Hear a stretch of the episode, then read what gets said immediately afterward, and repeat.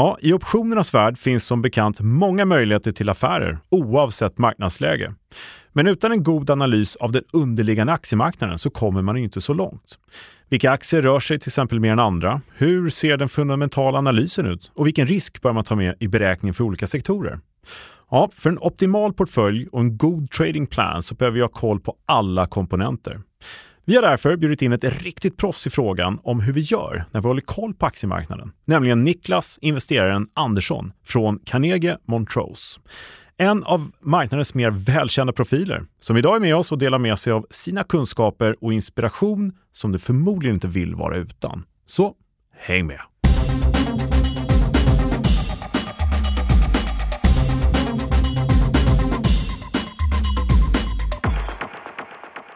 Ja, välkomna tillbaka till Optionspodden. Här i podden så är det kunskaperna som ingen privat eller professionell investerare på börsen bör vara utan.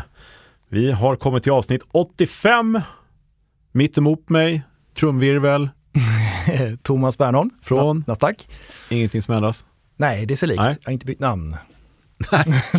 inte bytt arbetsplats heller. Thomas Andersson, gift med Niklas, dagens gäst. Precis. Ja. Hör du, eh, nej men, eh, optioner är ett derivat. Har du tänkt på det? Absolut. Så det betyder att eh, utan en underliggande vara så existerar inte derivatet ju. Nej, så som man kan uttrycka det. Den underliggande marknaden vi pratar om i våra derivatoptionerna är ju aktiemarknaden, börsen. Mm. Mm. Det, är, det är faktiskt enkelt att glömma bort emellanåt. Ja, tid till annan kan det faktiskt vara det. Men, ja, men faktiskt. det är så oerhört viktigt som du säger med det underliggande ja. som, som derivatet då liksom är beroende av. Jo, nej men det kommer mycket eh, bra frågor till oss och eh, en del frågor berör ju det här med portföljförvaltning och hur vi ska blanda in optioner i en mm. redan befintlig förvaltning förstås. Och det är väl lite det vi försöker förmedla, alla mm. möjligheter, de fyra, fyra grundpositionerna framåt. Hela verktygslådan som du brukar säga. Ja, precis. Mm. Men utan bra koll på börsen i sig och aktiemarknaden så då kommer vi faktiskt inte så långt med några strategier. Nej, exakt. Eh, däremot så sa vi i sista för mig, du tror mer än man anar va? Ja, ditt citat där ja. ja. ja. Tid och hur mycket det ska röra sig, hur ja. fort och sådär. För det kan man lägga till. Ja. Nej men då är det bra att plocka in något proffs ja. som har den biten med sig också i större omfattning och bredden framförallt. Ja men visst. Mm. Och investeraren, eller Niklas Andersson, eh, han var på våra utbildningar i begynnelsen på Nasdaq. Jag stod mm. och körde de här steg 1, steg 2, steg 3 på optioner. Just det. Uh, men han, länge sedan. Ja, det, det börjar bli några år sedan. Precis. Men han är ju en sann inspiratör av vida mått, får ja. man lov att säga. Det ska bli kul att lyssna på honom. Ja, han har mycket kunskaper, så det ska bli intressant. Ja. Men eh, ja, eh, förra avsnittet så pratade vi om 0DTE. Som vad är litet, är det då? Ja, vad är DTE ja. för någonting? Zero days to expiration. Ja, precis. Optioner med mindre än en dag eller mindre till förfall. Mm. Uh, och jag ska låta det vara en cliffhanger. Men det kommer ja, du sa det sist också. Ja, det är bra. Men uh, det är uh, intressant med löptid och vad vi kan åstadkomma bara sista löptidsdagen. Mm. sista och, och, det vi konstaterade där tidigare, det var också att optioner med sån löptid, alltså kortare, ger ett större mm. urval, fler möjligheter, mm. fler alternativ. Så ja, att, eh, mm. så att, uh, det har kommit mycket frågor om det, men jag ska säga att cliffhangern hänger kvar ett tag. Uh, så Håller de på halster, Kalle? Ja. Men du, börsen, ska vi kolla hur den mår då? Så börjar vi där. Ja, då bra. går vi dit direkt. Ja. ja, Kalle, hur är då läget på börsen? Ja, hur är läget på börsen? Eh, rätt okej okay, mm. ändå, sista tiden. Ja, förra gången du hade gått ner nio dagar av tio vill jag minnas att du sa. Nu mm. har det sett lite bättre ut. Ja, nu har det nog gått upp, eh, vad ska jag säga, sex dagar av nio i alla fall. Sådär ja. Varav en. Nästan lite omvänt. Ja, mm. fast eh, det har inte rört sig så mycket utan en dag gick det upp 2,5 procent, lite mm. mer till och med. Mm. Väldigt kraftig uppgång.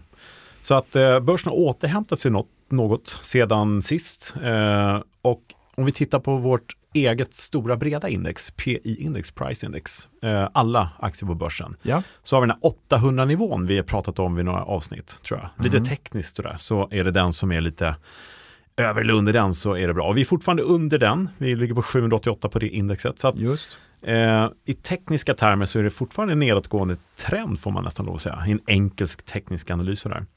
Men det har blivit såklart mer optimistiska rop där ute som har gjort sig hörda, tycker jag. Eh, mycket plötsligt, det blir ofta så här, ja men nu ska det gå upp nästa år och nu, mm. är det, nu är det köpläge och den här aktien är bra. Liksom. Och det är mycket möjligt att det är så, eh, men det är lite så det alltid blir. Mm. Man får hålla tungan rätt i mun lite grann sådär. Nej, som vi pratade om senast också, man köper på sig lite grann kanske, när det är lite Mm. billigare ändå, passa på när det kommer ner lite sådär, så det är inte så konstigt. Ja, och då ska vi titta på risken på börsen eh, och kolla på VIX-index. Mm. Och det är många som gör det, men det finns lite saker som är bra att utröna där. Sist så hade vi ett index eh, VIX över 20, alltså nästan 22, 21,5 hade vi sist. Det är ganska, eh, det är ingen superhög nivå, men givet hur det har varit under året så har det varit, varit ganska högt faktiskt. Det var lite förhöjt helt enkelt. Ja, det var det. Ja. När det har gått ner 9 av 10 dagar där. Så kom det upp lite grann. Men sen har det nu då, i och med uppgången, återhämtningen drastiskt fallit tillbaka ner. Okej, och var Eh, ligger vi nu? 14,5. Och då ska man veta att eh, sist vi såg VIX under 15, Ja. det var ju då i, i, liksom i somras, nu 2023. ja. Men innan dess får vi gå hela vägen tillbaka till innan pandemin, i första kvartalet 2020 Okej. när vi hade VIX på den nivån. Så dra dina egna slutsatser om det. Är det kanske lite väl optimistiskt att ha så låg risk i marknaden just nu? Mm. Några som tycker det. Och då analyserar vi vidare då genom att titta på SKEW-index lite grann. Hur är oron? Och SKEW-index eh, har ju då måttet av hur mycket man vill betala upp för nedsidan. Va? Vad hade vi förra eh, gången, för ett par veckor sedan, 134 ungefär Ja. på SKEW-index. Ganska högt. Eh, nu har det stuckit iväg ytterligare lite grann, så att det är 140. Okej. ungefär. Kring 140 nivån just nu. Ja. Det är faktiskt ganska dyrt i relativa termer för nedsidesskydd Mm. eh, via indexoptioner där borta. Men inte nödvändigtvis i kronor om man får uttrycka sig så med tanke på att då VIXarna kommer ner. Nej, i, i, dollar och cent. Ja, om man- precis, ja. Eh, nej, men precis. Ja. Eh, inte på det sättet, men SKEW-index mot 140, Just det, det. är en, ja, man ska säga en hög nivå Ja. där investerarna accepterar liksom en ganska dyr försäkringspremie för nedsidan.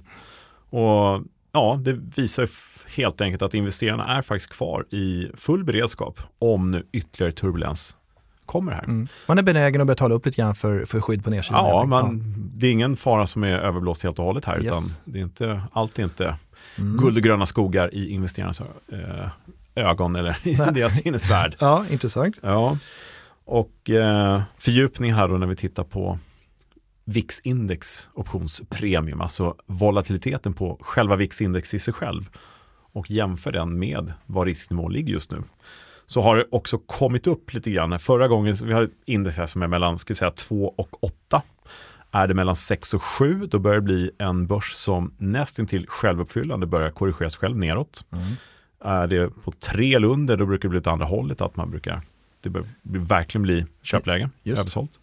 Nu är vi på en nivå som är eh, kring, ser inte ens vad det står, 6 någonting va? Det var små siffror där. Ja, väldigt 5,8 ser det ut som, tycker jag. Ja, 5,8 stämmer. Eh, men det här närmar sig, för det, det är alltså klart uppåtgående i alla fall, från 4,8 till 5,8 har under väldigt kort tid stigit iväg här. Just Det är alltså relationen mellan spekulationen i hur man tror att turbulensen ska bli på börsen. Kan man då dra växeln ett steg till, hur kommer då börsen gå? Ja, men förmodligen kommer det bli stökigare Mm. om de får rätt i det här. Mm. Så man positionerar sig för lite mer sannolikt stökigare marknad. Ja. Och det här går ju hand i handske med att man inte är helt liksom, o, liksom lugn i leden, utan man, man vill skydda sig lite grann för att det ska kunna Det ska bli intressant att följa även denna gång Mm. för att det har stämt hyfsat bra som vi har konstaterat förut. Så Ja, men det- det har ju faktiskt gjort det. Ja. Eh, sådär. Och det här är då inspirationssiffror. Det här är bara sannolikhetslära egentligen. Vi Mm. vet ju inte vad som händer imorgon. Nej. Utan det här är bara de index man kan använda sig av för att utröna vad som kanske mer sannolikt kommer hända. Öka liksom sannolikhetsgraden lite grann. Just. För det här är ändå positioner som är skarpa i marknaden. Bra. Så det om det och lite kort om vårt eget. Eh, vi får bra XS30. feedback med feedback på våra, våra egna indexvolatiliteter. Edge-listan är populär. Vad kul. Ja, och det är den implicita volatiliteten på vårt eget OMX-index och samtliga papper som ingår i OMX-index. Och vi ska inte gå igenom alla 30 papper här, men eh, vårt index ligger till exempel på 14,5. Eh, det är ungefär som eh, nästan till identiskt med VIX-index. Det brukar vara Mm. ungefär likadant.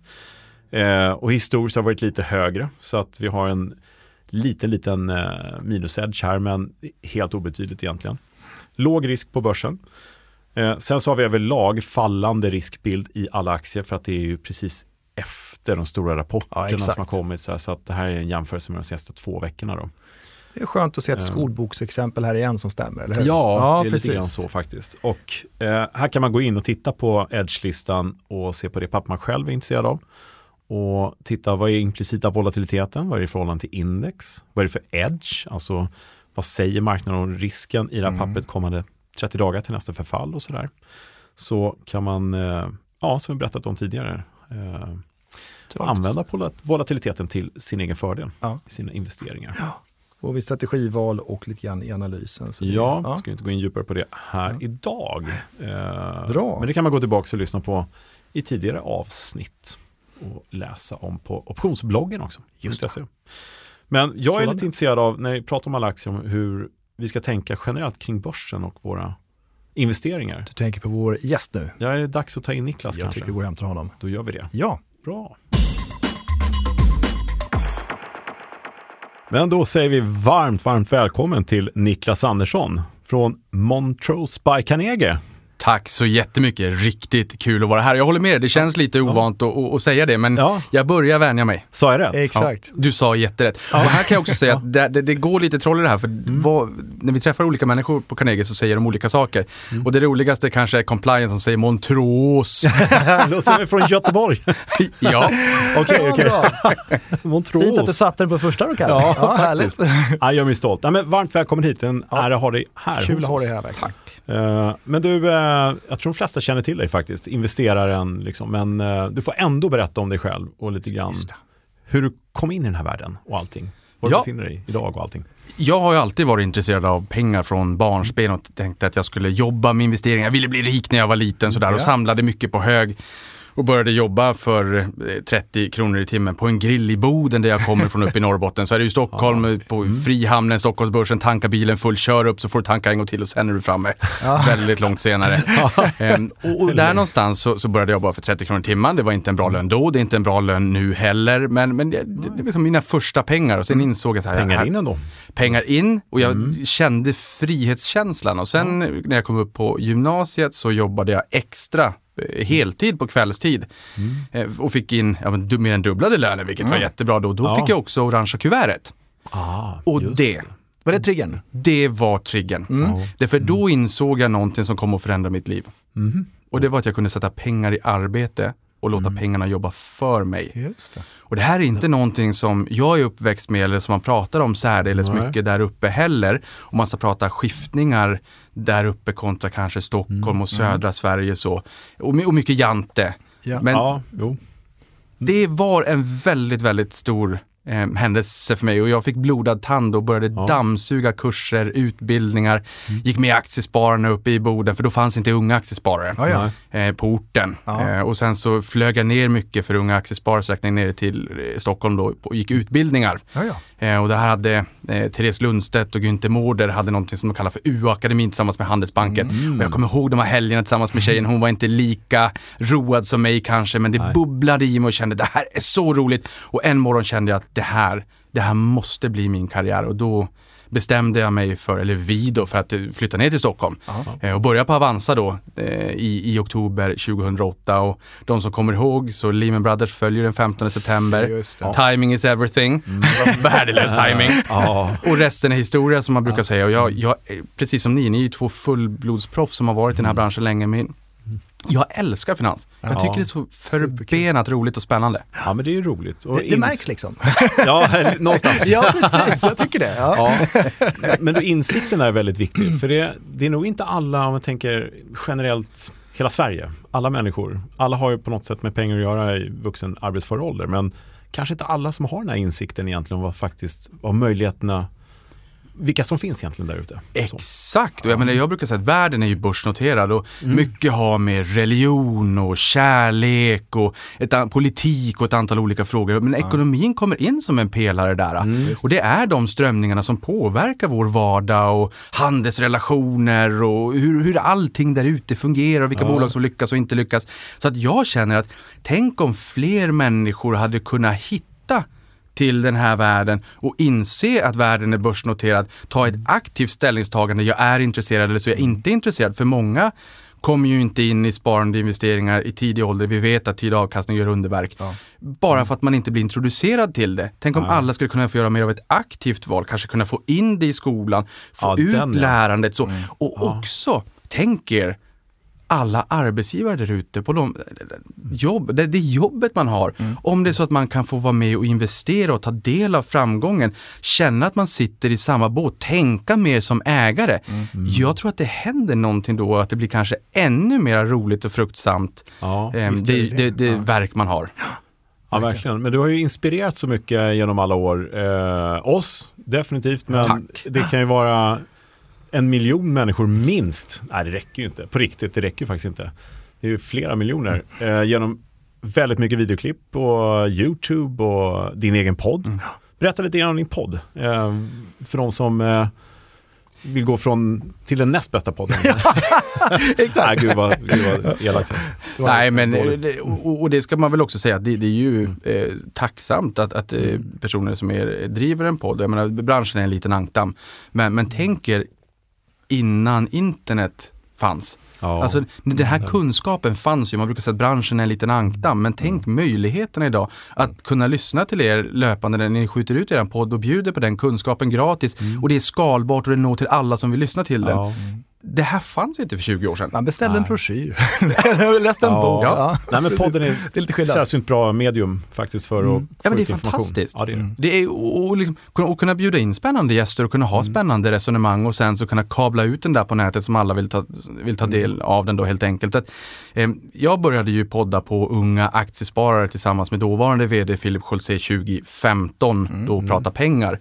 Och det här tyckte vi var fantastiskt roligt. Men när vi la ner den där 2017 så kände jag att jag är inte färdig. Jag är förvisso norrlänning. Vi kanske ska vara lite sävliga. Sävliga är kanske hur lång tid jag sitter på innehaven. Jag har en väldigt låg omsättningshastighet. Men som ni märker så är jag ju en pratkvarn. Och jag har behövt en backventil. Och Ja. backventilen har varit Unga Aktiesparare. Jag har haft förbud genom åren att prata ekonomi hemma. Ja, ja. Eh, och det här var så bra med podden också. Och, och, och när jag ville ner den där Unga Aktiesparare att prata pengar då så kände jag att jag måste fortsätta. Ja. Eh, och då måste jag ju lära mig hur jag gör. Så jag har lärt mig allt med inspelning och redigering och publicering och hur man gör allt det här. Och sen när det var uppe på bana, då tänkte jag att vad bra, nu kan vi starta Avanza-podden också. Just det, för jag vet ju hur man redigerar det här. Ja. Eh, Så på den vägen är det och sen har vi uppesittarkväll också som är Ja. en, en, en eh, livesändning två timmar varje månad dagen innan löning som Just vi nu har det. kört i, det blir åttonde året nu.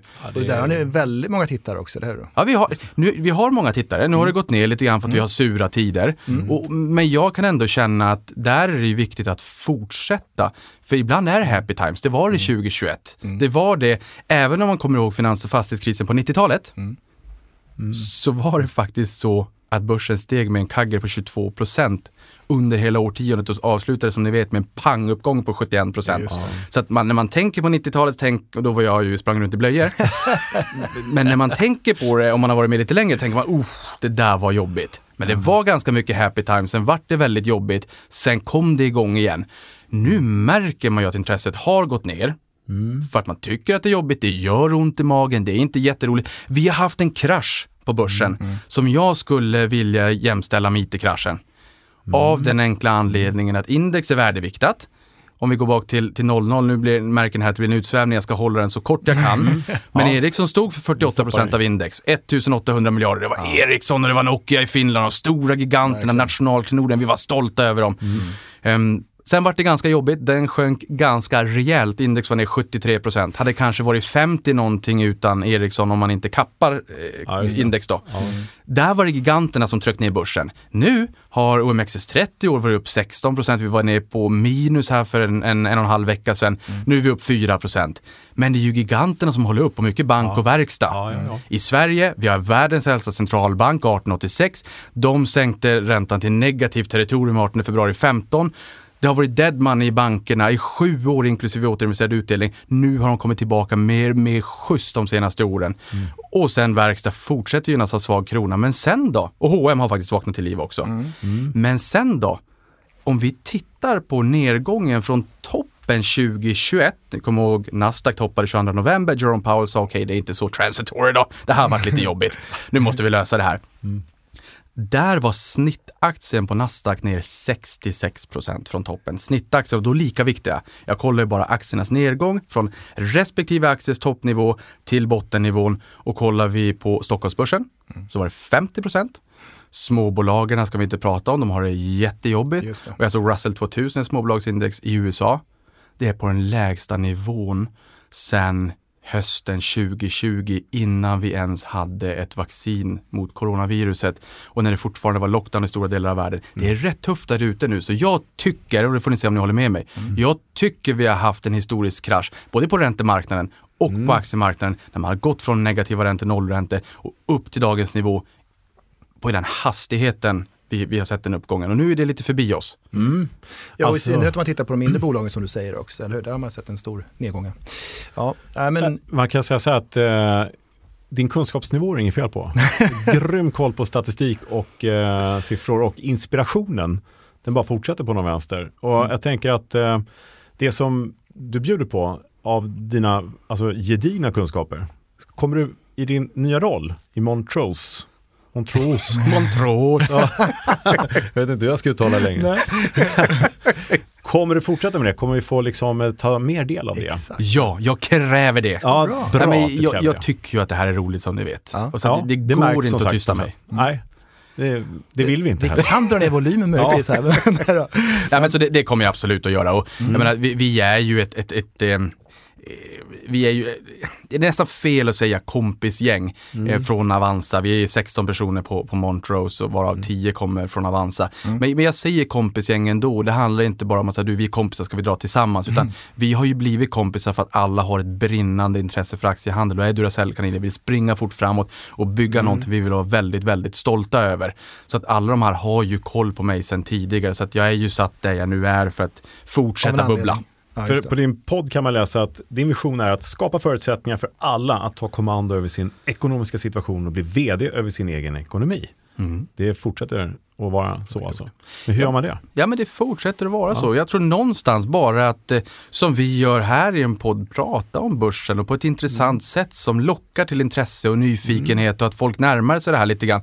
Sen är vi i olika faser i livet. Folk, vissa tycker att det här är hur roligt som helst, det är en livsstil, man kanske jobbar med det mm. professionellt. Andra vet att man borde spara men har inte kommit igång och tycker att det är lite läskigt och man kan förlora pengar. Eh, men någonstans att, att öppna upp och skapa lite grann ett intresse och försöka berätta om möjligheterna. För att ett långsiktigt sparande kan ju faktiskt öppna upp väldigt mycket möjligheter i livet. Pengar gör ingen lycklig men kanske heller ingen olycklig. Ja, ehm, och, mm. och, och, genom att faktiskt upprätta ett, ett, långsiktigt sparande så tror jag att man kan få ut mer av livet, inte mindre. Nej. Och det är väl det också kanske handlar om att inte säga, jag ska spara, det var gud vad tråkigt, jag vill mm. göra massa roliga saker. Men här ska jag spara, oh, mm. eller investera kanske man tycker om den termen lite mer. Men det är så här, mm. ja, men det handlar ju om att alla har drömmar, mål, Exakt. visioner. Tror du på fullaste allvar, om du bubblar av alla de här idéerna idag, att du kommer vilja göra mindre imorgon? Nej!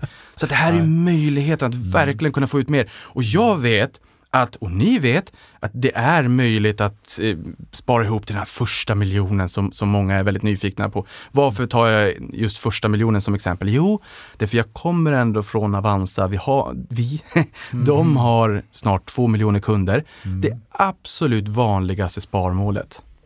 En miljon kronor. Mm. En miljon kronor. Mm. Och det är ett mystiskt skimmer. Ja, visst är det. Men det är ju inte svårt. Miljonär då liksom. Det är ju något speciellt med det. Ja. Det är häftigt. Och det är extremt enkelt att bli miljonär. Det är ju mm. det det handlar om. Frågan är hur bråttom man ja. behöver ha. Mm. Ja, men vi, vi pratade här innan poddinspelningen, Karl, om att du är duktig på träning. Jag är mm. värdelös på träning. Jag önskar mm. så att jag hade haft samma driv när det kommer till träning så hade man kunnat få multipelkontraktion kring midjan, för jag behöver det. vi kan ordna det också. Bra. Inga konstigheter. Ja, men för här, ja.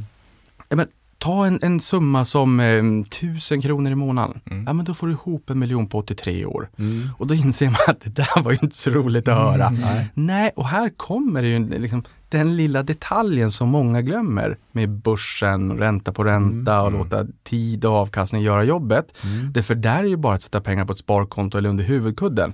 Och då ni vet, på 83 år så kommer inte köpkraften vara kvar där heller. Nej, Men här, ta 5 000 i månaden, ändå pengar, Eh, men spara den och få en 7 i avkastning Ja. på börsen, då har du en miljon efter 11 år. Ränta på ränta-effekten Ja. sen. Ja. Där har du grejer. Och där är det ju Mm. också så att om du får 7% på den där miljonen, det är ju 70 000. 70 000 är mer än 5 000 i månaden 12 månader, för det är 60 000 på Ja, ett år. just det. Så helt plötsligt börjar avkastningen Mm. från ditt kapital vara större än pengarna du faktiskt fortsätter sätta in. Precis. Har du bråttom, 10 000 tar det 7 år och sen går det väldigt, väldigt, Mm. väldigt mycket snabbare. Ja, det är klokt. Det är de här tankevurporna, tvärtom, tankeexemplen, som faktiskt kan bli tankevurpor för man tror inte riktigt att det är sant. Man tror att men det där funkar ju inte.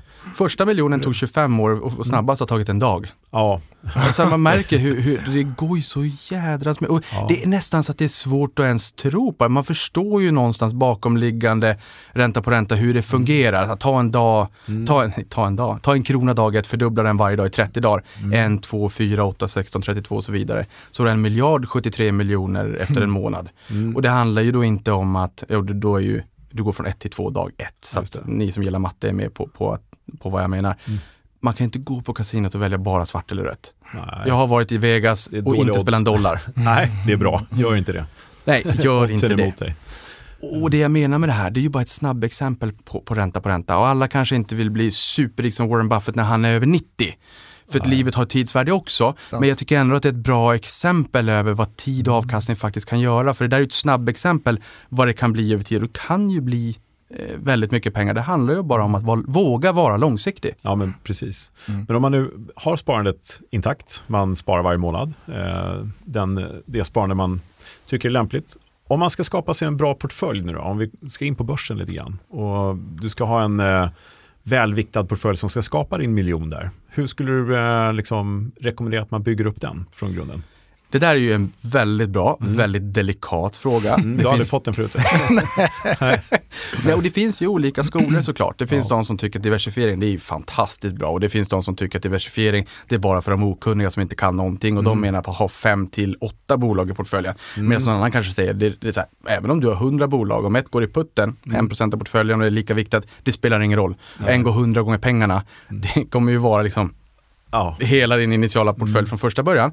Men, men jag tycker någonstans att, så här, eh, en globalfond har 3000 innehav. En eh, UCITS-fond, alltså en vanlig fond, måste ha minst 16 innehav. En smal fond har 25, en bred har 100-125. Aktiespararna säger 10 till 15 aktier i 5 till 6 olika branscher. 10, 15, 20 där någonstans kanske sanningen ligger. Ja. Och på, återigen, Avanza och varför jag tar upp det som exempel är för att vi hade ju all data också. Dels på vad folk säger att de gör, men sen på vad de faktiskt gjorde.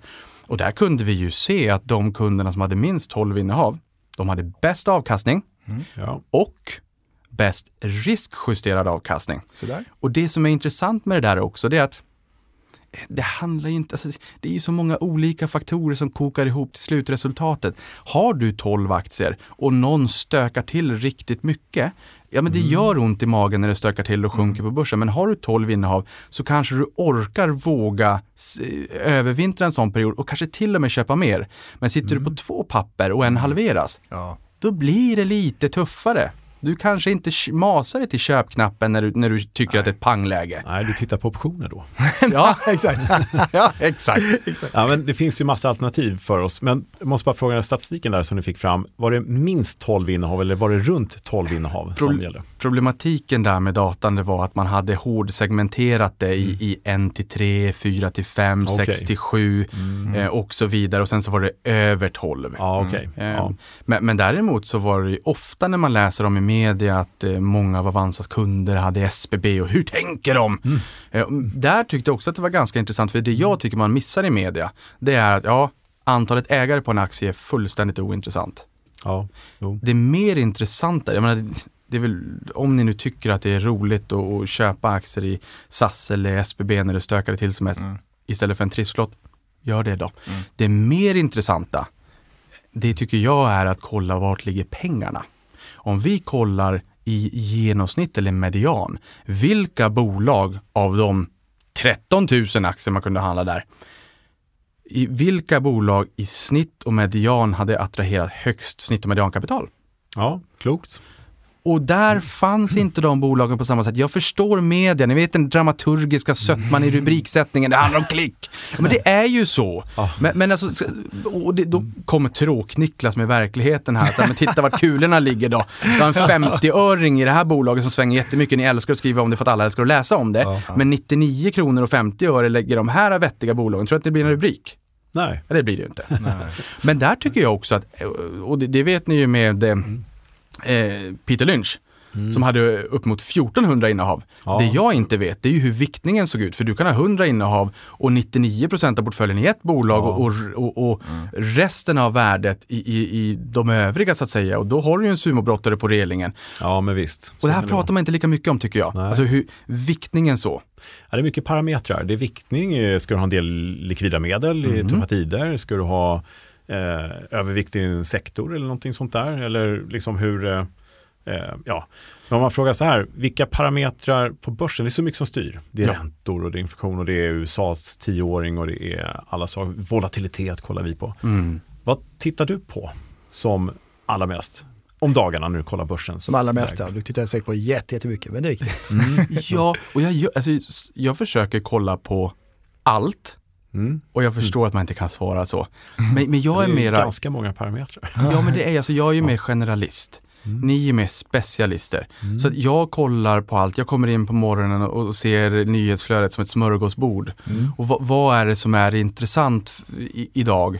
Och, och vad, tycker jag, vad tycker jag är intressant och vad tror jag att mina följare och Montrose framtida kunder kommer tycka är intressant? Försöka paketera det på kanske ett mer lättillgängligt sätt och sen trycka ut. Ibland kan det vara utvecklingen på fraktrater och hur det ska kunna tänkas påverka inflationen längre fram. Idag var det mera inflationssiffror från Kina och där man fick lära sig att fläsk, det är en väldigt stor del av KPI och nu är Kina världens näst största ekonomi ner i deflationsterritorium. Hur kommer det kunna påverka? Spännande. Och det är klart, allt nyhetsflöde kring bolagen också. Det är vinstvarningar, det är omvända vinstvarningar, det är bolagspresentationer och sen hittar man något bolag som jag hittade idag, ett litet bolag eh, som, gjorde, eh, som gör, gjorde proteser, som gjorde en omvänd vinstvarning. Aha, tänkte jag, det här har jag aldrig sett tidigare. Jag har förvisso besökt Össur på Island på en investerarresa en gång med unga aktiesparare, men det här var något annat. Och sen kollar jag lite grann kring det och så kanske man läser någonting som de har ehm, skrivit och sen kanske man hör av sig till bolaget och säger du det här verkar intressant. Det tror jag tittare och lyssnare också känner är intressant.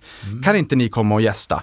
Eller så är det en rapport kring, kring någonting. Credit Suisse skrev för något år sedan om en rapport med ägare av kött och blod i Europa om, om, om det fanns liksom evidens för att det skapade mervärde eller inte. Sånt där tycker jag är roligt. Man läser en bok. Nu läser man inte en bok när man kommer in på, på kontoret, så, så, som frågan var kopplad. Eh, och jag förstår att det nästan känns högtravande när jag svarar allt. Men det är mer att så här, jag har ingen begränsning på det sättet. Jag försöker, vad, vad är det som flödar i etern just nu? Och vad är intressant? Vad skulle jag vilja göra mer av? Men Letar du mer bolag eller kollar du börsen hur den mår? Eh, både och. Eh, både och. Men, men, men jag letar, jag letar, eh, försöker leta ganska mycket bolag och även hitta många nya bolag baserat på nyhetsflödet för att läsa på mer kring dem men även kanske bjuda in till podd eller i rörligt format. För att de största bolagen i Sverige, de, där skriver med om dem hela tiden. Ja. Men det är ju lite som en pyramid. Toppen läser man om hela tiden. Men den stora batchen, det är rätt många bolag som många aldrig har hört talas om. Är det. Och det är det jag tycker är charmen med att världen är börsnoterad. Att just det här, man vaknar upp på morgonen och känner att det finns så många bolag där ute som är spännande, men som jag inte har en aning om. Som kanske kommer kunna bjuda på en jättefin, inte, jättefin omsättningstillväxt, marginalexpansion och dessutom kanske en multipel expansion framåt. Och där vill jag vara med. Så det är just den här Indiana Jones-känslan. Sen vaknar jag och är frustrerad. För jag känner så här, jag har inte nog med kunskap. Nej. Och så här, frustrationen hela tiden, det är så mycket jag inte kan. Eh, men försöker ta in det mesta. Men, men, men, och här får ni svara vad ni tycker. Det mesta dagligdags är ju brus. Och jag har väldigt svårt, tycker jag, att försöka sålla bruset. Så här, vad är viktigt och vad är inte viktigt? Ja. Just det. Men när, du- när du konsumerar så mycket information och försöker smälta det, hur kommer du ihåg allting? Har du ett system som du lagrar allting och du, du lär dig av din erfarenhet och så vidare? Lagrar du allting i hjärnan på ett skarpt sätt? Eller? Ja, men jag kommer inte ihåg så mycket annat. Det, det, jag kommer inte ihåg så, så mycket annat. Jag har liksom, min hårddisk är ganska full. Men det är så här, det är som att det är så spännande. Jag menar, Mm. på, på, på Nasdaq där ni jobbar eller där jag jobbar, jag tycker att det är så otroligt spännande när man känner att det händer saker. Mm. Och på börsen, även om man, oavsett om man äger aktier i, i bolaget där det händer någonting eller inte, det är också det som är skärmen. Varje dag på morgonen, så här, det är nu, idag kan det hända någonting riktigt stort. Och det är ju så ganska ofta. Ja, men så är det ju. Det kittlar. Ja, Ja, visst. Du, du var inne på lite deflation i Kina och sådana saker. Vi har berört inflation lite och kanske ränteläge och annat. Hur, och bara byta ämne lite så här, hur ser du liksom på marknaden just nu och så? Eh, Hur, hur känns det? Det känns som att marknaden är lite seg. Mm. Det känns som att vi ändå hade, liksom, det, var lite fart under galoscherna, det var lite energi och så, ja, nu Mm. eh, i fjol fram till i början på det här året. Men nu känns det som att det har varit en kräftgång under ganska lång tid och nu har vi ju fyra negativa månader i raken i ryggen. Vi ska komma ihåg i fjol var, eh, var det liksom ganska jobbig börsutveckling ändå. Det var en ganska rejäl drawdown under året. 29 september, OMXS30 bottnade 13 oktober, breda börsen av USA bottnade. Och därifrån så lyfte börsen över 30% Snittaktien på Stockholmsbörsen lyfte 50. Fastighetsbolagen lyfte 55. Och sen så gick det rakt ner igen. Fastighetsbolagen, de pulveriserade hela uppgången. Och nu lite grann det här higher for longer, hur påverkar det? Men nu känns det, och, och jag tänker så här, centralbankerna, vad ska de säga? Ja. Alltså vad ska de säga? De pratade väldigt mycket om att så, oj, oj, oj, vad det kommer bli höga räntor innan de började höja. Och det var väl helt rätt. Att just försöka med... Slags förberedelse eller? ja, Mm. för, för det har Jerome Powell på Fed sagt i en intervju. Alltså det, det misstaget man gjorde i slutet på 70-talet, början på 80-talet när man höjde räntan så pass mycket att man knäckte ekonomin. Det var ju att man inflationsförväntningarna cementerades på en skyhög nivå. Så att säga, det, det är det jag menar. Vad ska de göra? Men, men tittar vi på centralbanker runt om i världen nu så ser vi att som ett aggregat så är det den snabbaste räntesänkningstakten sedan 2020. Det går ganska snabbt ner nu. Men vi har inte sett det från ECB, vi har inte sett det från Fed och inte Nej. Bank of England och inte Norges bank Inte svenska Riksbanken. och inte Riksbanken än. Och de, har inte, nej, och de kommer ju snart och ska säga sitt här i november. Mm. De andra har ju pausat men sagt att vänta ni bara, det kan. Ja, ja, ja. För det har ni ju också märkt, att, och det är mycket algohandel och sådär när, när det är eh, besked i USA. Och sen eh, när Fed säger bu eller bä så kan marknaden reagera på ett sätt. Och är det så att marknaden reagerar positivt, då vet ni att Jerome Powell, då brer han på sen under presskonferensen och trycker ner det rejält. Tyck, det, det är min uppfattning. Här ska inte börsen komma och, och, och känna att det är happy times igen. Varenda gång. Ja, Så att, vad, vad känner jag kring det här då? Högt. Jo, ja, men, vi borde vara hyggligt nära någon form av räntotopp kan man väl ändå känna. Det, så tycker jag man kan läsa sig till också. Att det, Ja. det får vara nog nu på, på något vänster. Ja. inflationen är på väg, trendar neråt åtminstone om inte annat. Ja. Ungefär. Och den toppade ju ändå på 9,1% i USA i juni i fjol. Ja. Så att den har varit ner under ganska lång tid. Kina, jättejobbigt med den här deflationssiffran nu. Vi ska komma ihåg att fläsk var, är en stor viktig KPI då. Ja. Men jag menar, Kina, där har vi alla gått och hoppats, men varit också lite nervösa. Vad händer vid återstarten där? Kommer det bli en inflationspush? Eller kommer det deflation när de trycker ut varor i, i, ute globalt så att säga, så att vi trycker tillbaka priserna igen? Det har ju blivit en besvikelse. Så är det. Eh, Och här funderar de på att, hur ska vi göra? Vi kanske behöver stimulera etc. Det jag vill säga här det är att i fjol i juli så hade vi ett rally på fastighetsaktier upp 34% på en månad. Sen följde det också tillbaka. Det, det- det man kan läsa in i det tycker jag att mycket är väldigt nedpressat och man ser vad som händer när, man, när det sätter sig i marknaden att men nu kanske räntan är på väg ner. Det har gått väldigt fort de här studsarna upp och sen har vi blivit besvikna igen. Vi har pratat småbolag. Vi har haft det jättetufft. Vi har pratat f- fastighetsbolag nu, har haft det jättetufft. Där borde vi väl kunna se en ganska hygglig rebound när vi ser att räntorna börjar leta sig ner igen. Och vad händer då på räntemarknaden? Många är äldre, inte minst i väst. Och man säger så här, "Ha, vi har pratat Tina, vi har pratat Tara, alla har glömt bort dem nu. Och varför ska jag investera i, i aktier med hög utdelning om det bara är kassaflödet jag är nyfiken på, om jag kan få XYZ på amerikanska treasuries som jänkare. Men om man nu börjar tro att, vänta nu, om det är på väg ner, då vill jag låsa in det här. Jag vill plocka på mig lång duration, jag vill låsa in den här nivån. Ja, vad händer då? Ja, du får en omvänd bankrun kan man säga mot räntepapper och det trycker ner yielden. Det här är ju en huvudvärk för, för just det. centralbankerna. Det tycker jag är intressant. Summerat, Jag hoppas, jag är en evig optimist, det ligger mig till, det, det är positivt, det har hjälpt mig att bygga en ekonomisk trygghet, men det är ju också min svaghet. Att vara den här Mm. optimisten, men det är fantastiskt att leva. Ja, det är fantastiskt att leva. Vi håller med, eller hur? Ja. Och Ja, där härlig borde det kunna ge en skjuts uppåt. Ja. Nej, men det är jättebra. Mm. Men jag tänker så här att eh, om du eh, tänker ett år fram i tiden, då är vi i ett helt annat läge för då har vi ett USA-val som är extremt nära, har det varit då kanske till och med? Det är typ ett år prick, ungefär, november.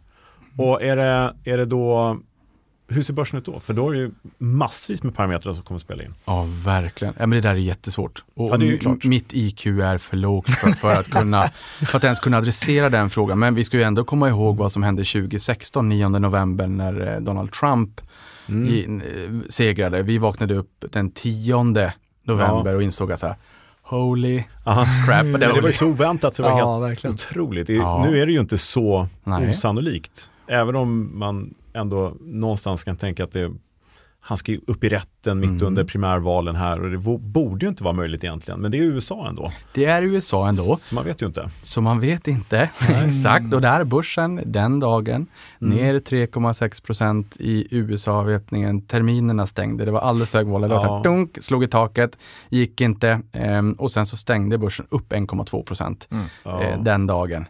Så att, Hur tittar du på volatilitet? Kollar du någonting på det? Nej, inte, nej, det skulle jag inte säga. Och absolut inte i det här rummet. Jag skulle aldrig våga sätta mig på en hög så att jag får en, en, en extra fråga. Nej, eh, Nej. ni tittar ju naturligtvis jättemycket på volatilitet när det Mm. kommer till optioner. Eh, jag brukar kolla på VIXen bara. Mm. Ja, man kan och- läsa av mycket av den i Ja. börsen generellt förstås. Och ibland, alltså jag tycker så här att ibland, f- för jag investerar långsiktigt och där tror jag att man också kanske ser min sävlighet som norrlänning. Alltså under de senaste 20 åren så de flesta papperna ligger kvar. Mm. Eh, Ja. Jag älskar att följa marknaden och följa börsen minutiöst på dagarna men, men jag gör inte så jättemycket förändringar. Men VIXen tycker jag ändå är intressant för man ser när den har spikat upp till höga nivåer så lägger du index bara över den. Ehm, det de spikarna brukar vara ganska bra att springa emot strömmen. Jo, det brukar vara så. Och sen ser jag vollan som en möjlighet. För, för någonstans, volatilitet, risk, jag vet inte om det är så att det är en ung person eller att det handlar om ett pensionssparande. Att volatilitet är bästa måttet på risk 2023 när man ska ta ut pengarna 2052 som när jag blir 65. Då kanske jag hellre väljer att se volatiliteten som en möjlighet. Mm. Eh, och, och, och jag menar, är det så att jag hittar bra bolag att äga i, i portföljen långsiktigt och du får en, en volla det svänger mycket, kanske inte av faktorer heller som påverkar bolagets långsiktiga eh, utsikter, Nej. utan mer av oro, rädsla, vi pratade Trump nyss, typ en sån sak, eller Brexit eller vad den är. Brexit var tillbaka två veckor senare. Eh, bra lägen att plocka på sig om man har gjort sin hemläxa och vet att så här, det här känns som ett vettigt bolag. För alla säger att ja, men, köp kvalitetsbolag, det är en klyscha. Vad är det då? Gör din egen hemläxa, det är bara för att man ska ha ryggen fri. Ja. Men att försöka i alla fall. Ja. Då väljer jag att se volatilitet är den kortsiktiges huvudverk. Kanske, om man inte är duktig på optioner. Men den långsiktiges möjlighet, så väljer jag att se på det. Ja. Det, det var en bra konklusion där måste jag säga. Liksom. Men i- ja, och, och jag måste också, en annan reflektion, det är liksom att din norrländska sävlighet som du säger, det kanske gynnat dig väldigt mycket. För ser man tillbaka vissa innehav man hade för väldigt länge sedan, som man kanske sålde, hade man behållit dem som så här Investor och andra bolag, det hade varit fantastiskt ju. Liksom. Så att, det kanske är en styrka. Jag har vissa papper i portföljen där man inte har gjort någonting och de har svält och blivit en sumobrottare. Det är tusentals och åter tusentals procent och så Ja, tänker så man eh, från, ja, det- och, den, den, som mest på ganska kort tid, eh, 10 000 procent. Och det, Oj, då inser man att tänk om man skulle kunna få en, en väldigt, väldigt liten andel bara av det på portföljen man har idag och framåt och så får man lite fjärilar i magen. Visst, vilken... Men du, eh, innan vi eh, liksom eh, avrundar här, du måste bara berätta om någon specifik händelse. För du har varit med så pass mycket, så pass länge, som eh, någon händelse som du minns direkt som har varit extra, extraordinär, vad ska man säga? ja, ska Ja. man säga, någonting extraordinärt i marknaden. Det brukar vara kul att höra sådana här minnen. Den där är ju, det är en bra fråga. Jag har klurat lite grann på den. Den är lite svår. Mm. En i, en i liksom nutid är ju naturligtvis eh, det, det ehm, eh, den flashcrashen vi såg här i maj, var det i fjol? Ja, atombomben trodde jag. Ja, Den. just det. Exakt. Man trodde att det var det, Ja. precis. Nu, nu, är det så här, nu är det lite tråkigt att svara just det för att ja, under alla år man har varit i marknaden så finns det andra grejer. Så väljer jag någonting i absoluta närtid. Det kanske säger någonting om mitt Men det närminne. var spektakulärt. Det var Ja. enastående faktiskt. Ja, men jag satt i ett öppet kontorslandskap Mm, det, är ju- på, och, och det, alla, alla stannade, stannade upp. ja, det var ju samma på Nasdaq. Vi satt där den dagen. Och det var någonting med atmosfären. Mm. Och folk tittade på varandra. Och så här, vad FN? Ja, exakt. Och man tittade pushnotiser från, från vanlig traditionell media. Mm. Ingenting. Liksom. Ingen push. För jag, jag, du var ju in på det nyss att det hade kunnat vara någonting väldigt allvarligt. Ja, för fasen. Mm. Det kändes inte bra i magen. Nej. Och sen insåg man, nej men, och, ja, och det där varade ju bara i fem minuter förvisso. Jo, det gjorde ju det, men det gick ner var det 8-9% på väldigt kort tid. Och så stannade det där nere. Jag tror Kinnevik var ner mest med 25 procent på de där minuterna. Klokt. Eh, men att tänka då, det här var en feltryckning i en korg i Europa någonstans. Det fanns ju inte. Nej.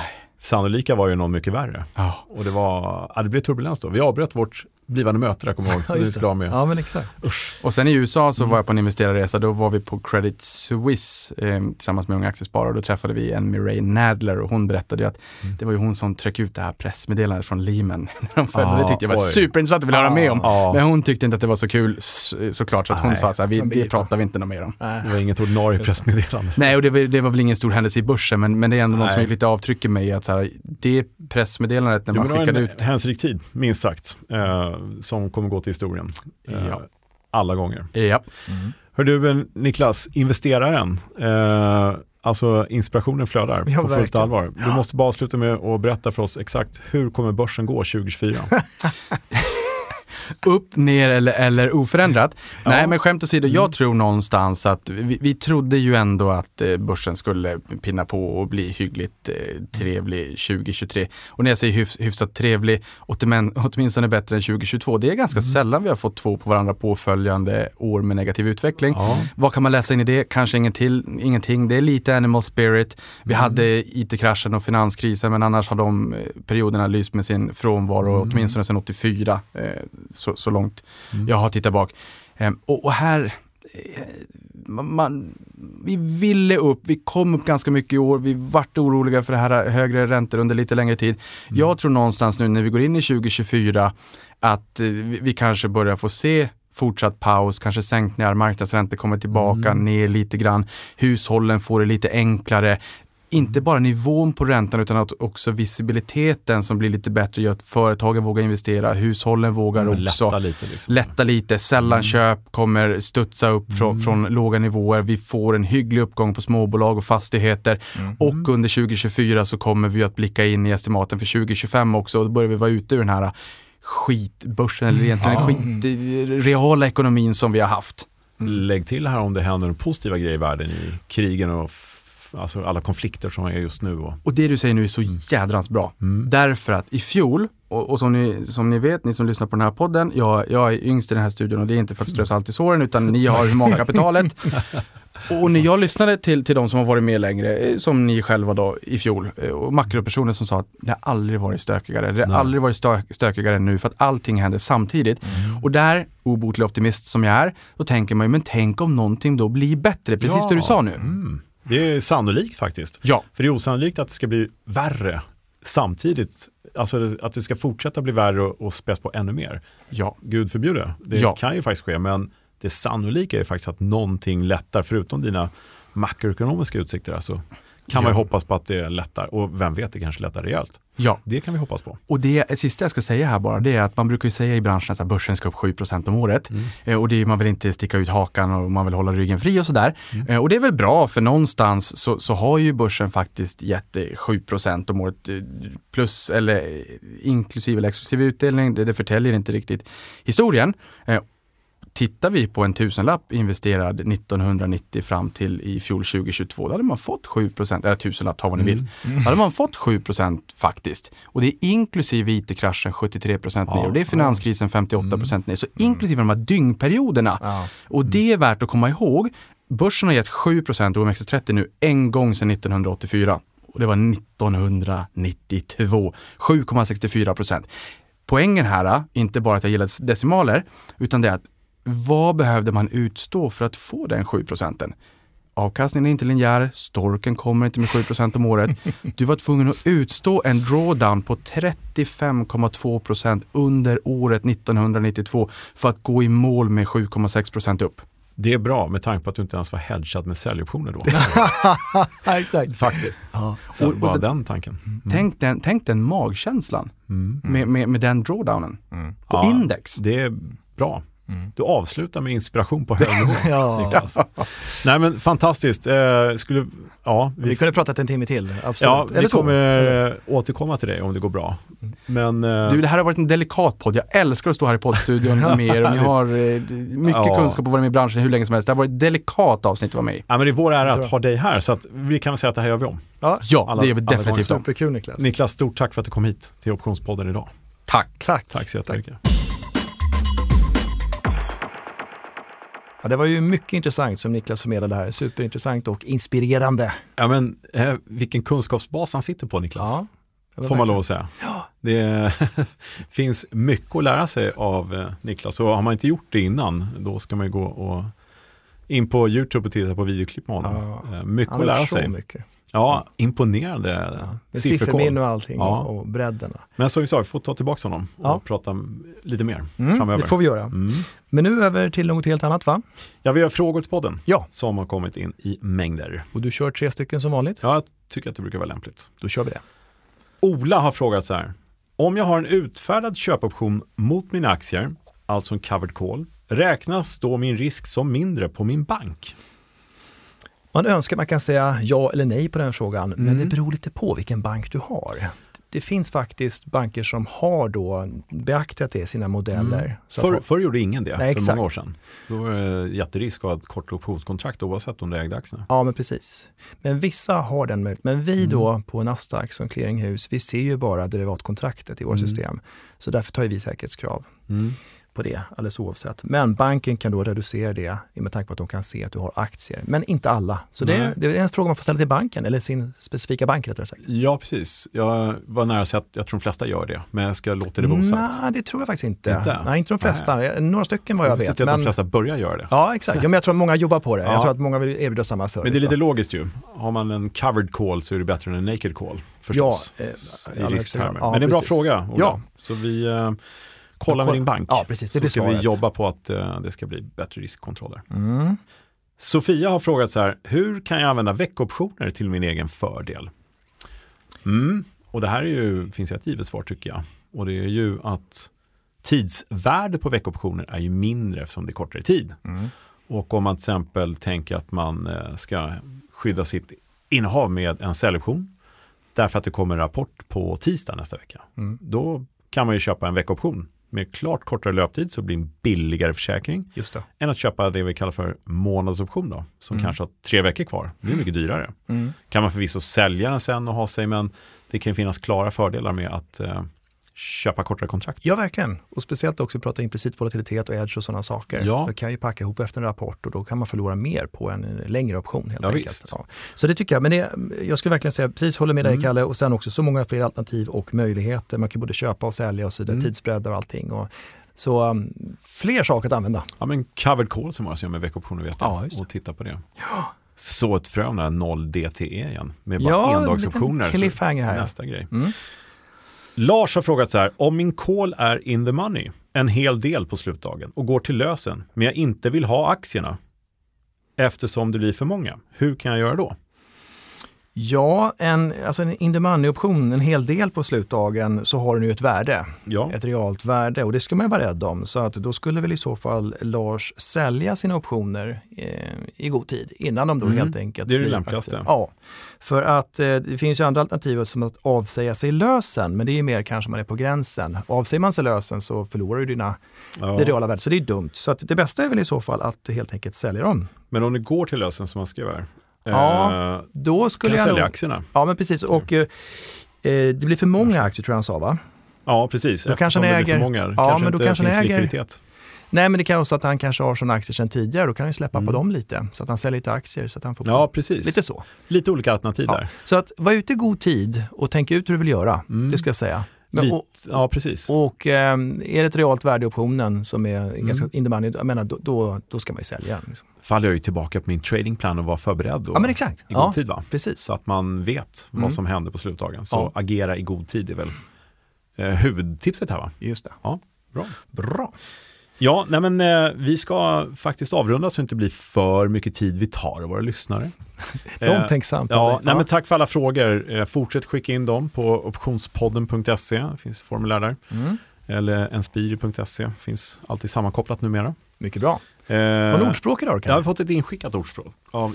Johan E. Johan E. Johan E. Ja. skickade följande.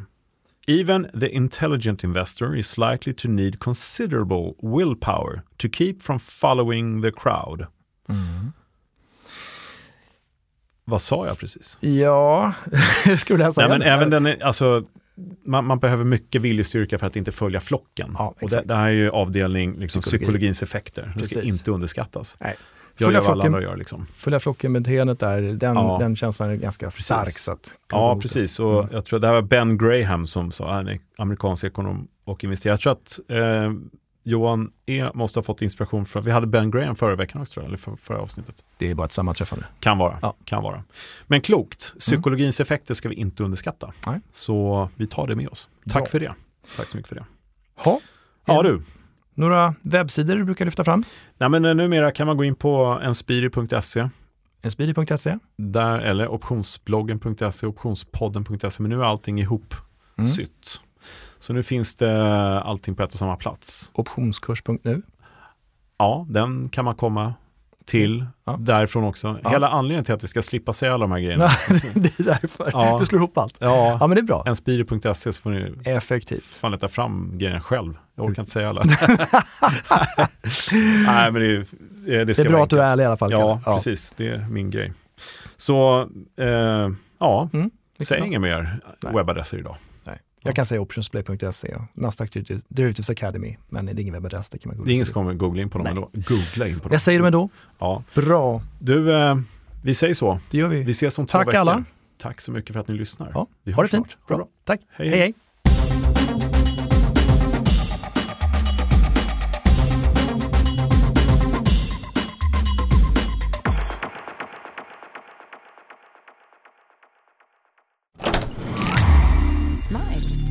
Den här podden har spelats in hos Studio Smile.